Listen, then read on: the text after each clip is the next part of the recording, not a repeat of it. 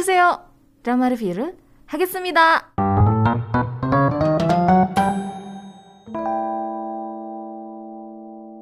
Iya, Dokter Romantik atau Romantic Doctor Teacher Kim.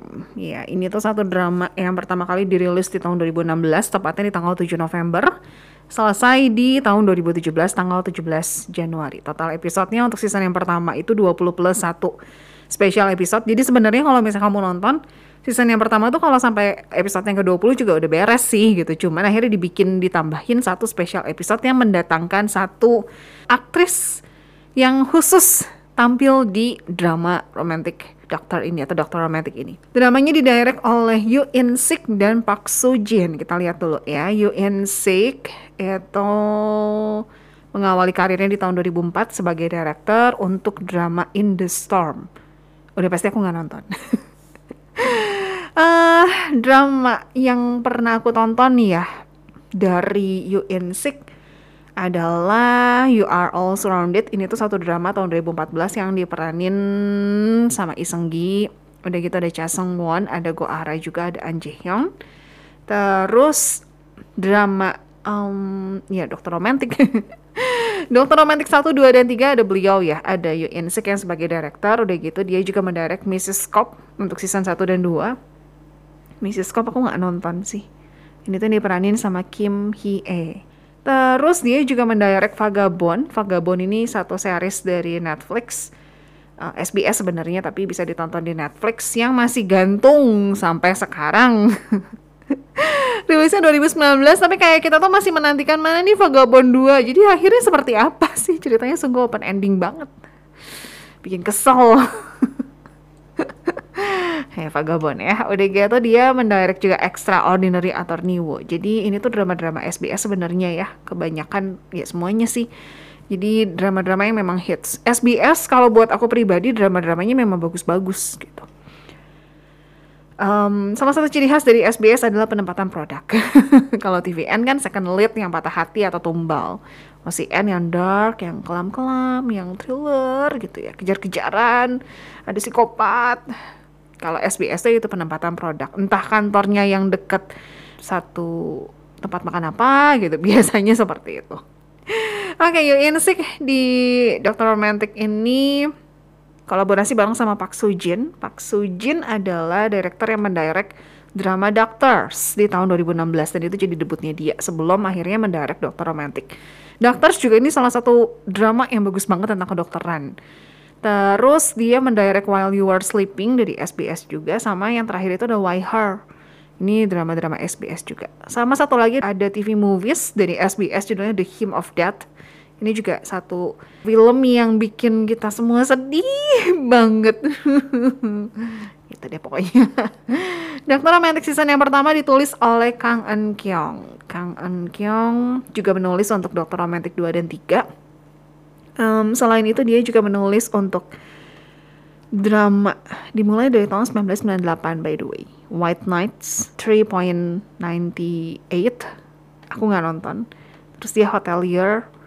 Hotelier tuh kayak nggak asing gitu tapi aku kayaknya nggak nonton. Cuman ini kayaknya salah satu drama yang cukup hits deh kayaknya. Kayak nggak asing aja gitu denger judulnya tuh.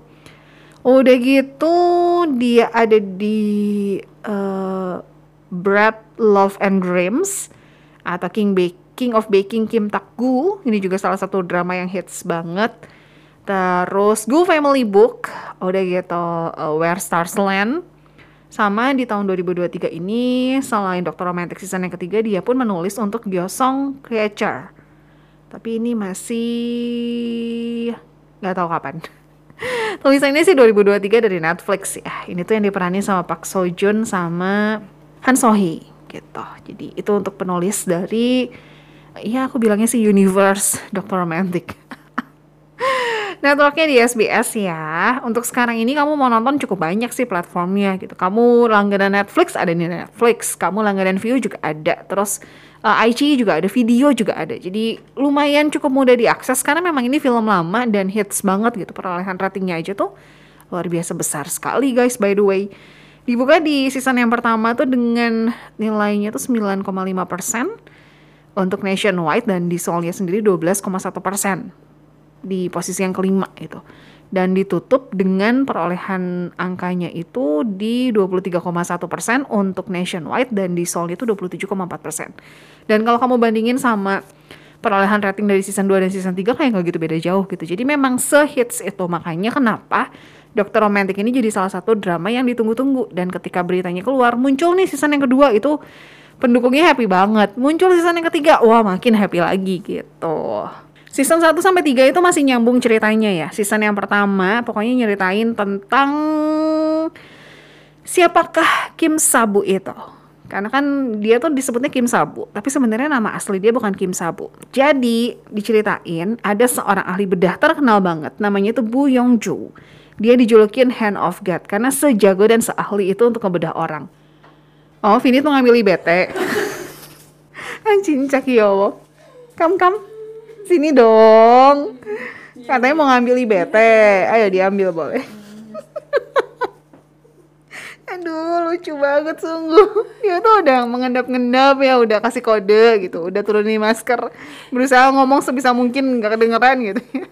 Dan kalian langsung masuk aja kan ya. Aku tuh udah berpikir ngapain dia harus mengendap-endap dan bisik-bisik karena yang di dalam kan Grace ya. Iya. You know lah. Hmm, baiklah. Mau minjem dulu kan? Eh, maaf ya Grace. Boleh. Ini mouse-nya lagi dipakai sama Vinit, jadi aku nggak bisa ngomong. jadi Udah, kalau ngomong. misalnya sinapsisnya kepotong ya guys, tahu kan reasonnya gara-gara apa? Siapa yang datang tahu ya, paham ya. Jaga calon betisnya juga. Vinit nonton Dokter Romantik nggak Vinit? Nonton tapi udah lama lupa, lupa semuanya. Lupa semuanya. Iya, aku amnesia. Aku aminin nih.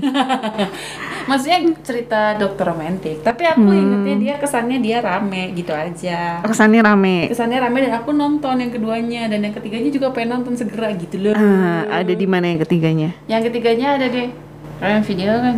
Eh, di sini dia Di sini plus. Anu jelas. Gini nih nggak bisa ngomong. Memang susah jatuhnya saya. Aduh. Aduh, lucu banget beneran. Oke. Seneng aku tuh kalau dia ada di sini. eh, karakter favorit kamu di Dokter Romantik siapa nih? Pastinya adalah Ania Sopnya. Oh, karakter Dan Hyosopnya berarti dari Ah. season 2 dong ya. Mm. Udah gitu sebenarnya sih Kim Sabunya juga eh, aku suka sih. Hmm. Cuman apa ya dia terlihat apa ya maksudnya selalu punya alasan kenapa begini dan begitu gitu kan. Tampaknya sangat dewasa gitu kan. Kalau kamu dikasih pilihan, nah, ah. ada guru nih, Hmm. pilih Kim Sabu atau Dokter Cha. Kan baru beres Dokter Cha toh? Eh udah, beres belum sih? Udah, udah, Udah udah. kan? Ini konteksnya apa? Konteksnya jadi dokter sejati. Jadi dokter. Ya pasti ah, Kim Sabu Oh, lah. kalau tentang dunia pernikahan? Hmm, dokter Chang. Salah. Enggak, Ya, karena Kim Sabu kan single. Iya bener sih. Yang, tapi kan dia memang jagonya di tempat yang lain ya Oh, di eh, susul pang ya. Iya, iya, iya. Terus terus Finit kalau misalnya kamu jadi dokter, Iya. disuruh pilih nih, mau ambil spesialis apa, mau ambil spesialis apa? Spesialis anak kayaknya. Ya, spesialis Eh kamu ya? pilih Doldam atau Yulje? Lupa ya Doldam Yulje. Doldam tuh yang dokter romantik, Yulje tuh yang hospital playlist. Pilih yang mana?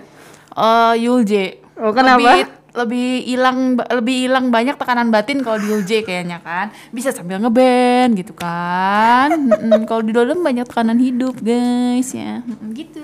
Oh gitu, di Doldam lebih banyak tekanan hidup. Iya, heeh. udah kan interviewnya ya? Udah, udah beres kan? Udah. Kopinya ya. Ya, dadah pendengar Nah, ya. terima kasih ya untuk kedatangannya. Saya tunggu lagi. Aduh. Lain kali nggak usah sembunyi-sembunyi, langsung, aja. Eh, Karena hasilnya sama aja, nggak ada bedanya. Iya. Oke, lanjutin ya. Jadi em, Bu Yongjo, Bu Yongju adalah seorang yang ahli banget di bidang bedah membedah gitu. Dia tuh bekerja di Gosan University Medical Center. Em, dan cukup banyak pasien yang pengen banget diobatin ataupun dibedah lah bisa dibilang sama dia. Karena dia tuh sehebat dan sejago itu dan sudah nggak perlu diragukan lagi lah kemampuannya. Nah satu kali tiba-tiba dia hilang. Nggak tahu ke mana pokoknya hilang aja gitu. Nah sebelum menghilang Bu Yongju menangani satu pasien namanya Jang Hyun Ju. Hyun Ju adalah seorang mahasiswi kedokteran yang sangat amat ceria sekali. Kalau ketemu dia tuh senyum terus ya dia manis banget. Dia tuh pengen banget belajar dari Bu Yongju. Dan memang um, di rumah sakit Gosan itu yang nanganin memang Bu Yongjo gitu. Mau itu pemeriksaan apa segala macam itu memang Bu Yongjo nah dia tahu kalau dokter yang menanganinya itu adalah Bu Yongjo dia tahu. Ya masa dia nggak tahu ya kalau dok nama dokternya siapa gitu kan nggak mungkin ya. Cuman waktu akhirnya ketemu sama Bu Yongjo dia tuh gugup banget sedeg-degan itu kayak mungkin ketemu idolanya gitu ya sampai dia tuh nervous banget. Akhirnya pas ketemu sama Bu Yongju dia tuh malah nanya gini aja sih kamu tahu nggak dokter Bu Yongju yang mana? Saking gugupnya dia. Nah sementara Bu Yongju tuh nggak ngomong jujur kalau dia tuh adalah dokter Bu Yongju yang dicari oleh Jang Hyunju jadi pas ditanya namanya jadi sih nama kamu siapa? Nah dokter Bu Yongju tuh malah jawab nama dia tuh Kim, Kim apalah gitu. Pokoknya dia tuh nggak nggak jawab jelas dan dia cuma bilang Kim. Singkat cerita, mereka berdua tuh jadi dekat.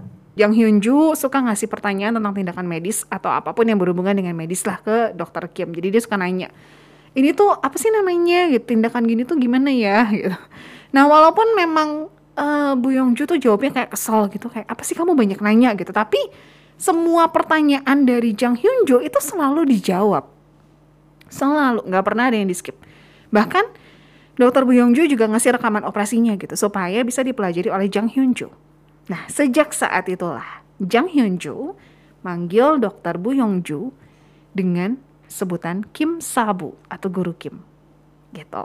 Ya, kurang lebih seperti itu. Jadi, ini pun yang menjawab kenapa uh, Bu Yongju memilih nama Kim Sabu. Waktu dia akhirnya ganti nama, menghilang terus dia ganti nama, kenapa tiba-tiba jadi Kim Sabu? Kan nama dia aslinya Bu Yongju. Nah, tulisannya tuh ini. Jadi, kenapa dia pilih nama Kim Sabu? Karena itu adalah panggilan spesial dari Jang Hyun Jo.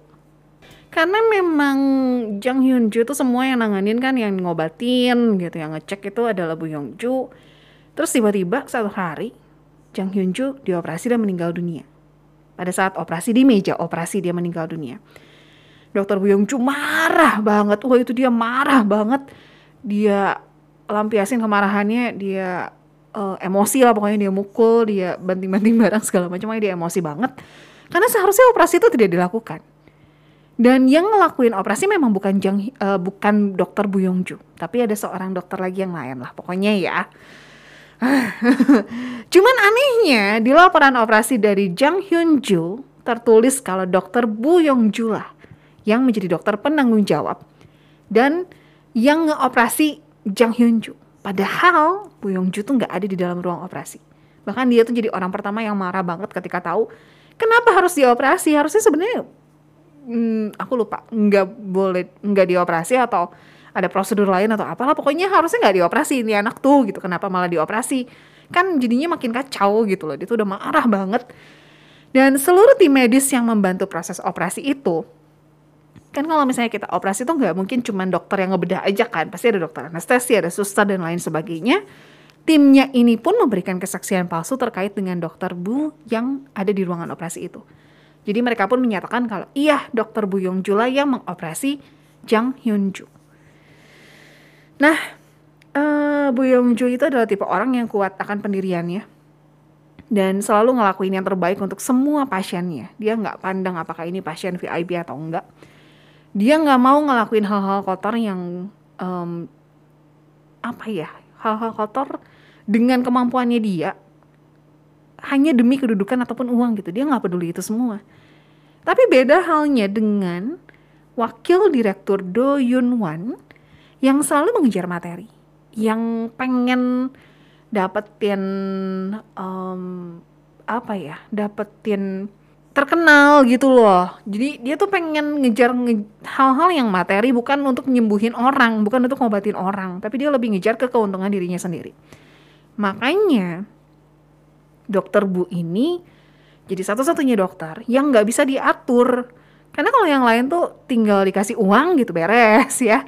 Sementara dokter Bu ini susah banget gitu karena dia lebih mentingin pasien daripada materi seperti yang aku bilang gitu dokter-dokter yang lain mungkin bisa dia kendalikan untuk ngelakuin apa pun yang dia mau dengan uang tapi dokter bu tuh nggak bisa gitu susah banget buat ngendalin dokter bu nah demi bisa menguasai rumah sakit sepenuhnya dan untuk memuaskan ambisinya akhirnya wakil direktur Do itu mengancam Bu Yongju.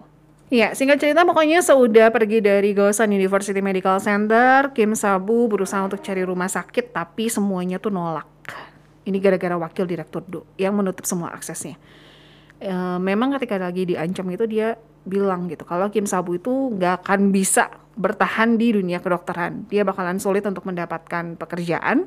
Pokoknya nggak akan mungkin ada rumah sakit yang mau nerima dia gitu. Makanya um, Kim Sabu pas keluar tuh cukup kesulitan lah untuk mencari rumah sakit yang mau terima dia untuk praktek di sana.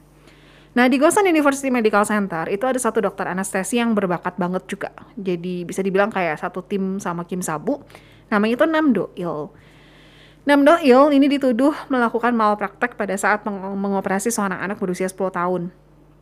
Nah karena proses hukum dia diadili segala macam dan biasa direktur Do nggak mau uh, nama rumah sakitnya jelek gitu Akhirnya dokter Nam juga diusir dari Gosan University Medical Center. Singkatnya, pokoknya dokter Nam ketemu sama Kim Sabu dan akhirnya bawa Kim Sabu untuk ketemu sama direktur Yo Won Yong dari rumah sakit Doldam. Terus Kim Sabu ketemu sama suster Oh Myung Sim di kantor polisi, ini random banget ya. Barulah Oh Myung Sim bawa Jang Gite Nah inilah staf awal dari rumah sakit Doldam yang letaknya tuh jauh dari kota tapi nggak pernah sepi pasien gitu, terutama di hari Jumat. Hari Jumat tuh udah pasti pa ada aja gitu pasien yang datang dan penuh UGD tuh gitu. Nah di season yang pertama dari drama Dokter Romantic ini nyeritain tentang alasan kenapa Bu Yong Jo mengubah uh, nama dia dan identitas dia jadi Kim Sabu dan reason kenapa dia bisa akhirnya sampai ke rumah sakit Doldam. By the way teman-teman yang lain maksudnya kayak dokter Nam, kemudian suster Oh, direktur Yo, semuanya tahu apa yang sebenarnya terjadi di rumah sakit Gosan pada saat itu. Kenapa Kim Sabu bisa diusir keluar dari sana? Semua tahu tentang kebenarannya, makanya mereka mau kerjasama sama Kim Sabu karena mereka tahu kalau Kim Sabu itu bukan orang yang jahat. Tapi sebaliknya justru Kim Sabu adalah orang yang sangat amat bertanggung jawab sekali dengan pekerjaannya. Ini rumah sakit Noldam sebenarnya kalau misalnya dilihat ya, kayak benar-benar tidak punya harapan. Kekurangan tim medis. Alat-alatnya juga alat-alat jadul yang kayak kalau kamu mau USG itu ya masih yang um, bener-bener alat yang jadul banget. Udah gitu alatnya tuh agak-agak rusak gitu jadi harus dipukul biar bener gitu segitunya tapi mereka tuh beneran gak pernah sepi pasien. Pasti ada aja pasien yang datang dan pasiennya tuh complicated gitu. Harus dibedah lah harus operasi apalah gitu se-complicated itu. Dan walaupun memang minim banget mereka tetap ngelakuin yang terbaik. Nah di awal-awal dokter yang ada di sana tuh ya cuma Kim Sabu doang makanya di, Dodol, di Doldam ya selain jadi dokter bedah Kim Sabu tuh juga menangani pasien yang ada di UGD sibuk banget lah pokoknya. Kayak bener-bener dia tuh nggak cuma sekedar dokter bedah aja tapi dia juga dokter tulang dokter awal. Dia merangkap semuanya gitu.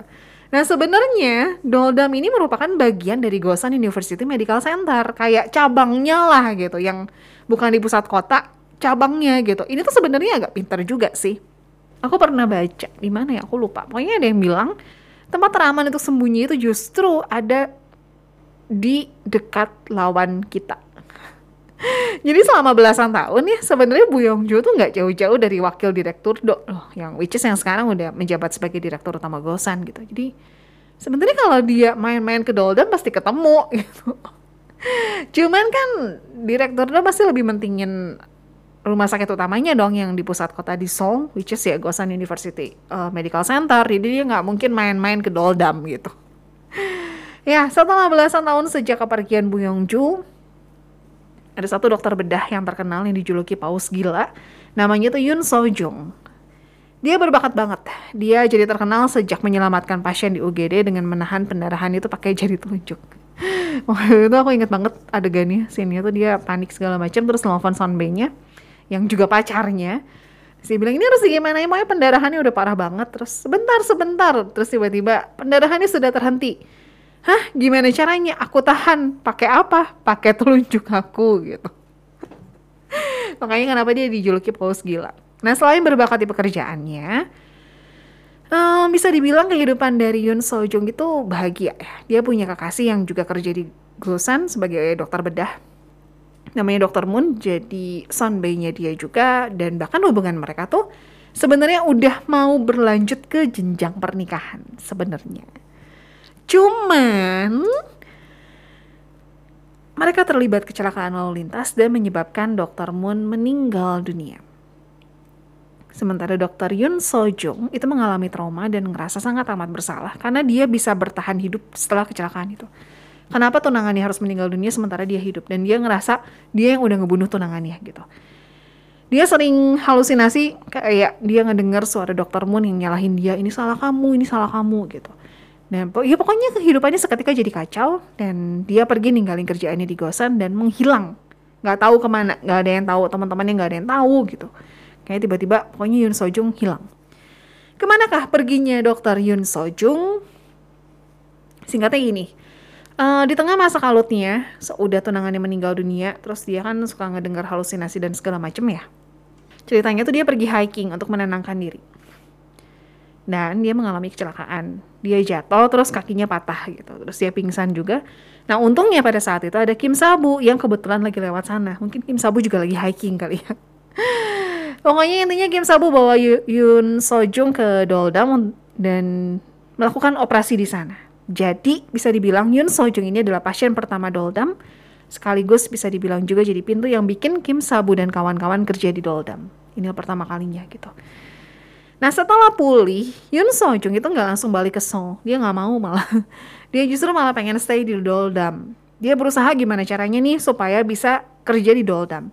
Tujuannya bukan semata-mata untuk menghindari teman-teman atau keluarganya di Seoul, atau mungkin bisa dibilang kayak lari dari permasalahan dia atau traumanya dia di Seoul, tapi dia juga tertarik dengan kemampuan Kim Sabu dan pengen belajar dari Kim Sabu. Dan spill ya, dia tuh tahu sebenarnya Kim Sabu itu adalah Bu Yongju yang terkenal itu makanya dia pengen belajar Cuman memang di awal-awal waktu Yun Sojung kerja di Doldam dia tuh masih dalam pengawasan yang sangat amat ketat karena dia masih suka halusinasi dan masih mengkonsumsi obat-obatan antidepresi gitu. Dan ini pun yang jadi perhatian Kim Sabu. Ya lumayan ya. Doldam jadi ada dua dokter ya. Kim Sabu nggak sendirian banget gitu. Jadi Kim Sabu jadi dokter bedah, sementara Yun Sojung itu menangani UGD sambil belajar dari Kim Sabu. Ya walaupun Kim Sabu nggak secara terang-terangan bilang kalau Yun Sojung itu muridnya, soalnya sebenarnya Kim Sabu juga masih berusaha berdamai dengan masa lalunya yang melibatkan Jang Hyun Jo. Kan dia menganggap Jang Hyun Jo itu adalah muridnya, terus tiba-tiba meninggal dunia. Nah ini juga sebenarnya bikin dia tuh agak sedikit trauma. Makanya ketika muncul Yun Sojung yang dia rasa mirip dengan Jang Hyun Jo, dia tuh kayak masih kebayang-bayang gitu. Dan takut kejadian Jang Hyun Jo itu terulang lagi. Nah setelah udah sekian lama halusinasinya nggak kambuh nih, terus obat-obatannya juga udah mulai berkurang, tiba-tiba Yun Sojung dapat serangan dan berusaha untuk mengiris nadi di tangannya gitu. Lah kenapa kan selama ini kayak udah oke okay gitu kondisinya kenapa tiba-tiba? Jadi alasannya adalah karena ada dokter baru yang namanya Kang Dongju yang baru aja dipindahin ke Doldam. Begitu ngelihat Kang Dongju langsung kayak kambuh gitu. Halusinasinya dia mulai ngedenger dia mulai berpikir dia harus mati gitu. Siapa sih Kang Dongju? Jadi Kang Dongju ini adalah junior dari Yeon Sojung di Gosan. Nah di hari kecelakaan waktu Yeon Sojung kecelakaan itu dia dapat confess dapat pengakuan cinta dari Kang Dongju makanya dia ngerasa bersalah banget sama tunangannya Dokter Moon makanya dia benci banget juga sama Kang Dongju tapi dia tahu kalau itu bukan salahnya Kang Dongju nah kedatangan dokter Kang di Dongdam itu men-trigger Yoon Sojung gitu Kang Dongjung sendiri punya masa lalu yang berhubungan dengan Kim Sabu. Jadi dulu papanya Kang Dongju dirawat di rumah sakit Gosan karena masalah jantung dan seharusnya tuh papanya segera dioperasi. Cuman karena ada pasien VIP ceritanya jatuh operasi papanya itu ditunda. Nah ini tuh info yang Kang Dongju tahu. Nah begitu papanya meninggal dunia tanpa sempat dioperasi, Kang Dongju ngamuk di UGD. Dia banting tuh semua barang yang ada di sana. Dia ngerusuh lah pokoknya dia marah-marah sampai kacau banget di UGD dan Kang Doju akhirnya bisa diamankan berkat bantuan dari dokter Bu Yongju yang pada saat itu masih kerja di Gosan. Di masa itu Bu Yongju bilang sama Kang Dongju sambil ngobatin gitu ya. Dia bilang, melampiaskan amarah sama orang lain tuh bukan balas dendam. Seberapapun keributan yang kamu buat, mereka bahkan nggak akan pernah inget sama muka kamu. Kalau kamu memang pengen balas dendam, jadi orang yang lebih baik dari mereka. Balas dengan kecakapan kamu, bukan dengan amarah kamu. kecuali kamu berubah nggak akan ada yang berubah gitu nah ini yang jadi pengingat untuk Kang Dongju gitu. Kecuali kamu berubah ya nggak akan ada yang berubah gitu. Jadi mau nggak mau kamu harus berubah. Makanya akhirnya dia putusin untuk belajar dengan sangat rajin. Dia kuliah kedokteran dan akhirnya kerja di Gosan. Dan bener dia tuh jadi salah satu dokter bedah yang cemerlang banget. Tapi ya sayang sama kayak Bu Yongju dulu Kang Dongju juga dipaksa untuk ngelakuin satu operasi yang pada akhirnya bikin dia dipindahin ke rumah sakit cabang. Ya yang mana lagi? Di Doldam Sejujurnya pas lagi nonton Dokter Romantik yang pertama ini kan aku rewatch ya. Dulu aku udah nonton tahun 2016 kayak baru baru rilis terus aku nonton. Dan pas sekarang nonton tuh gregetnya masih sama dan masih sebel banget sama direktur Do. Dia tuh orang yang ngelakuin berbagai cara supaya bisa sampai tujuan dia. Tujuan dia dari awal tuh memang udah jelas ya. Dari episode yang pertama pun udah langsung keungkap gitu dia pengen nguasain rumah sakit Gosan dan dia pengen bikin rumah sakit itu jadi segimana dia gitu maunya dia apa ya jadi gitu. Bahkan dia nggak segan bikin ahli bedah paling jago di rumah sakit itu pun dikeluarin gitu. Padahal sebenarnya kalau kita pikir kan keberadaan Bu Yongju di sana tuh pasti impact banget. Tapi di sisi lain karena direktur do nggak bisa ngatur Bu Yongju akhirnya didepak lah gitu. Dan dari awal orang-orang tuh kan juga udah tahu kalau dia tuh licik mau itu bawahannya dia, orang-orang di sekitar dia, bahkan anaknya, itu udah tahu kalau Direktur Do tuh licik banget. Atasannya aja udah tahu kalau dia tuh licik banget sampai habis suaraku. bahkan kegemesan dari penonton aja tuh tersampaikan loh. Ada satu scene di mana karakter Kim Sabu ngomong gitu.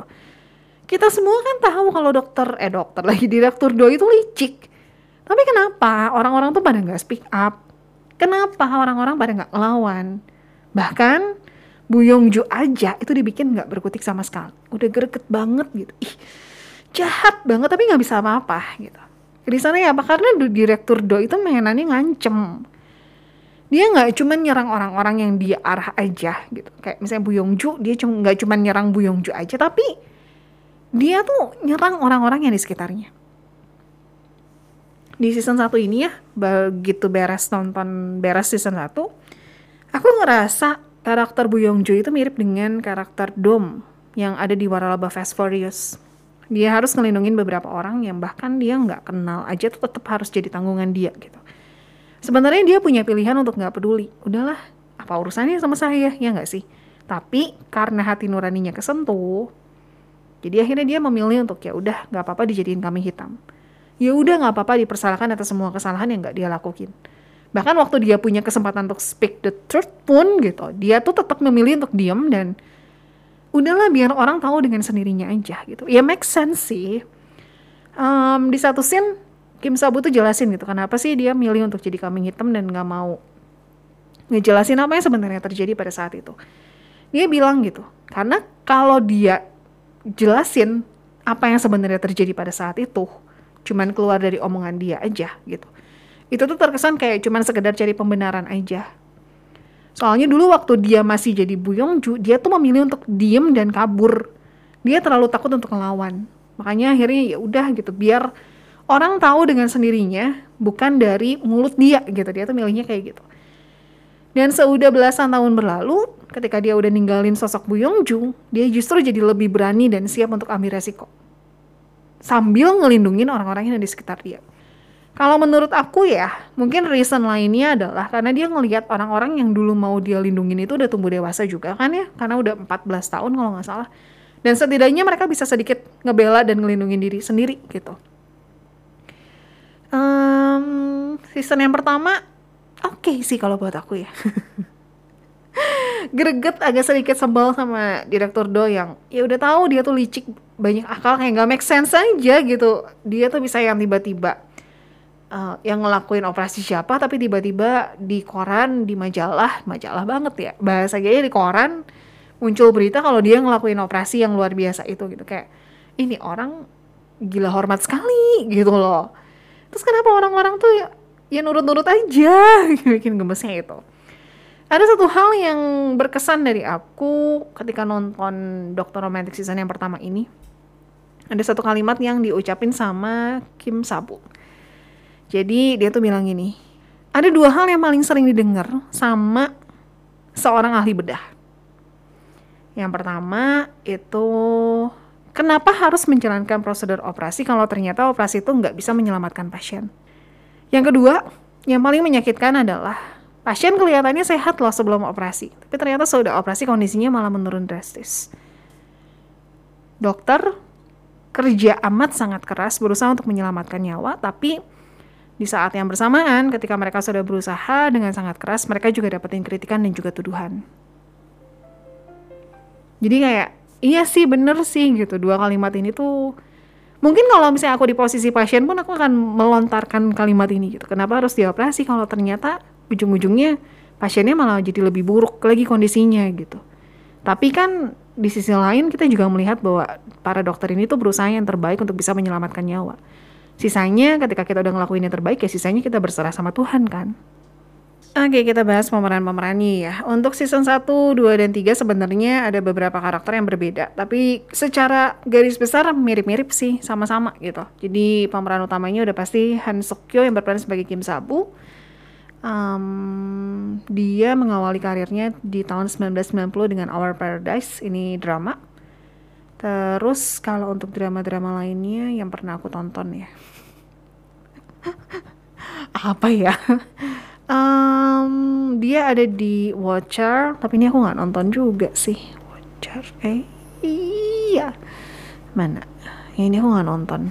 Um, terus dia ada di uh, Receipt for Farewell. Ini satu drama bagus banget. Aku baru nonton depannya doang. Intinya ya, so, dia tuh jadi suami, karakter suami yang akhirnya belajar masak demi bisa menyajikan masakan atau makanan yang sehat untuk istrinya yang didiagnosa kanker stadium akhir. Udah gitu dia ada di Until the Morning Comes. Tapi ini tuh entah jadi atau enggak karena nggak jelas gitu loh. Soalnya ditulisnya first half 2022 tapi posternya tuh masih poster Kim Sabunya gitu loh, bukan poster dramanya. Jadi sepertinya tidak jadi, sepertinya. Udah gitu ya dokter romantik. Sisanya kalau untuk film, film juga cukup banyak. Tapi terakhir dia main film itu tahun 2019 di Forbidden Dream. Hmm, aku juga kayaknya nggak nontonin film-filmnya dia sih. dia ada di uh, Idol, udah gitu The Prison, The Royal Tailor. The Royal Tailor tuh kalau nggak salah yang sama Park Shin Hye, betul. Terus ada di White Knight uh, dan lain-lain cukup banyak ya. Gitu. Itu untuk Kim Sabu. Dan jujur semenjak dia main di Dokter Romantic, begitu nonton drama lain kayak tadi Recipe of Farewell gitu aku ngerasanya kayak oh ya udah Kim Sabu lagi ganti job desk gitu karena semelekat itu gitu karakternya tuh udah gitu hmm, aku bahas yang ini dulu ya yang udah pasti ada di season 1 sampai 3 dulu ya ada Kim Hong Fa yang berperan sebagai direktur Yo, udah gitu ada Jin Kyung yang berperan sebagai suster Oh, kepala suster Oh. Ada Jang Gite yang diperankan oleh Im Won Hee, Terus kalau untuk Dokter Nam itu diperankan oleh Byeon Woo Min sama satu lagi Kim Min Jae. Itu berperan sebagai uh, Pak Entak gitu. Jadi ini adalah tim yang memang ada di dari season 1 sampai season 3. Sementara untuk dua dokter lainnya, jadi kan itu ada ada dokter yang datang yang bisa dibilang kayak diasingkan ke Doldam yang tadi aku bahas namanya Kang Dongju itu diperankan oleh Yu Yeon Sok. Nah, kan aku nonton um, dramanya dia tuh pertama dokter romantik udah gitu baru aku nonton hospital playlist kan cuman aku ngerasa kayak sosok Andrea-nya tuh lebih kental gitu lebih melekat ke dia jadi begitu aku rewatch dokter romantik ngelihat dia jadi dokter tapi tuh beda karakternya jadi kayak siapa dia? Kayak biasa Andrea nggak gini deh gitu loh. Karena kan sosoknya Andrea tuh bener-bener sosok yang sayang banget sama anak kecil yang baiklah gitu ya. Sementara kalau misalnya di dokter romantik tuh Kang Dongju tuh sebenarnya orangnya baik juga tapi lebih ke emosi emosian gitu loh. Jadi makanya ngerasa siapa dia?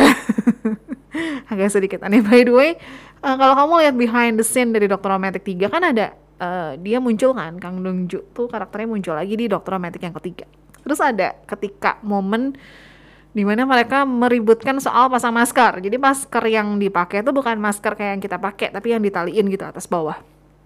Nah udah gitu si Yeon Suk itu naliinnya tuh dari atas dulu baru yang bawah. Udah gitu setelah dia bilang, oh kamu Nali ini gitu sih aneh gitu intinya kalau bahasanya aku ya terus lo bukannya memang dari atas dulu ya. Itu mungkin di rumah sakit kamu. Maksudnya tuh kan karena di hospital playlist si Andrea ini yang punya Yulje kan. Bapaknya tuh yang punya Yulje kan. Jadi si sutradara dari dokter romantik tuh bilang itu mungkin di rumah sakit kamu tapi nggak di rumah sakit ini. Iya sih. Sama kayak mamahnya si Andrea yang di hospital playlist. Nah deh aku sambil cari pemerannya yang disebut Mama Rosa. dia kan waktu itu berobat ceritanya ya. Mana ya? Nah ini, Kim Hesuk. Nah dia tuh berobat. Udah gitu, in real life ya dia berobat. Terus si dokternya tuh nanya, kenapa kamu nggak ke rumah sakit anak kamu? Karena memang mungkin dampak dari hospital Paris sebesar itu ya, makanya kita masih berpikir, oh ya dia Andrea, oh ya dia Ikjun gitu. Gitu. Oke, terus pemeran untuk Yoon So Jung adalah So Hyun Jin. Dia juga satu aktris yang keren banget kalau udah main drama ataupun udah main film gitu. Cuman aku nonton ini lebih banyak di drama sih. Dia mengawalinya di Hwang Jini tahun 2006, cuman ini aku nggak nonton. Aku baru nontonin dia itu di drama Let's Eat. Sisanya kedua. Ada dia kan? Cuman masih belum terlalu gimana banget. Bahkan aku aja udah lupa ceritanya tentang apa. Ya pokoknya tentang makan. Baru nonton dia lagi tuh di Another Miss. Oh, ini juga berkesan banget. Jadi seru lah gitu dramanya. Terus dia muncul di uh, Let's Eat season yang ketiga tapi cuman cameo doang. The Beauty Inside nggak pernah bisa aku lupain dia di situ. Aktingnya bagus. Terus dia main di Why Her. Sama You Are My Spring ini juga satu drama yang bagus banget. You Are My Spring. Gitu ya. Terus di drama ini ada anaknya direktur Do, namanya Do In Boom yang diperankan oleh Yang Sejong. Ini juga satu karakter yang lumayan complicated ya kalau aku bilang ya. Karena satu sisi dia tuh kayak bisa dibilang pangeran lah gitu ya, yang punya kekuatan, punya kekuasaan, tapi tiba-tiba dia harus bantuin papahnya pergi ke Doldam untuk menyelidiki dan dia tahu sebenarnya apa yang dilakuin papanya itu salah gitu. Makanya kalau misalnya pas nonton kamu bakal ngelihat di mana dia tuh gak, agak sedikit galau. Ini yang saya lakuin bener nggak? Tapi kan dia papa saya, mau gimana pun dia papa saya. Sampai akhirnya dia berani untuk take action, dia ambil keputusan untuk satu hal yang besar yang bikin kecewa papahnya, tapi itu ya demi hidup dia karena kan dia yang jalanin gitu. Doin boom, yang saya jong maksudnya dia mengawali karirnya dari dokter romantik sebenarnya. Uh, udah gitu dia muncul di Duel, Temperature of Love, Still Seventeen ya aku ingat terus dia ada di Duna di 2003 ini. Duna masih belum tahu kapan dari Netflix nih yang diperanin sama Suzy gitu. Terus by the way, Dokter Romantic season yang pertama ini juga mendapatkan beberapa awards antara lain itu dari 2016 SBS Drama Awards untuk kategori Grand Prize diperankan oleh Han Sokyo, diperankan, didapatkan oleh Han Sokyo. Terus Excellent Actor didapatkan oleh Yoon Sok. Udah gitu so Hyun Jin juga dapetin Excellent Actress. Udah gitu 10 Star Award, kemudian New Star Award sama Best Couple. Di tahun 2017 mereka dapetin Best Director di awardsnya Baeksang Arts gitu. Jadi memang sebagus itu gitu dramanya. Dan sekali lagi kalau kamu pengen nonton season yang pertama ini tersedia di cukup banyak platform di Netflix ada, di View ada, video juga ada, di ICE juga ada. Jadi tinggal pilih kamu langganannya apa.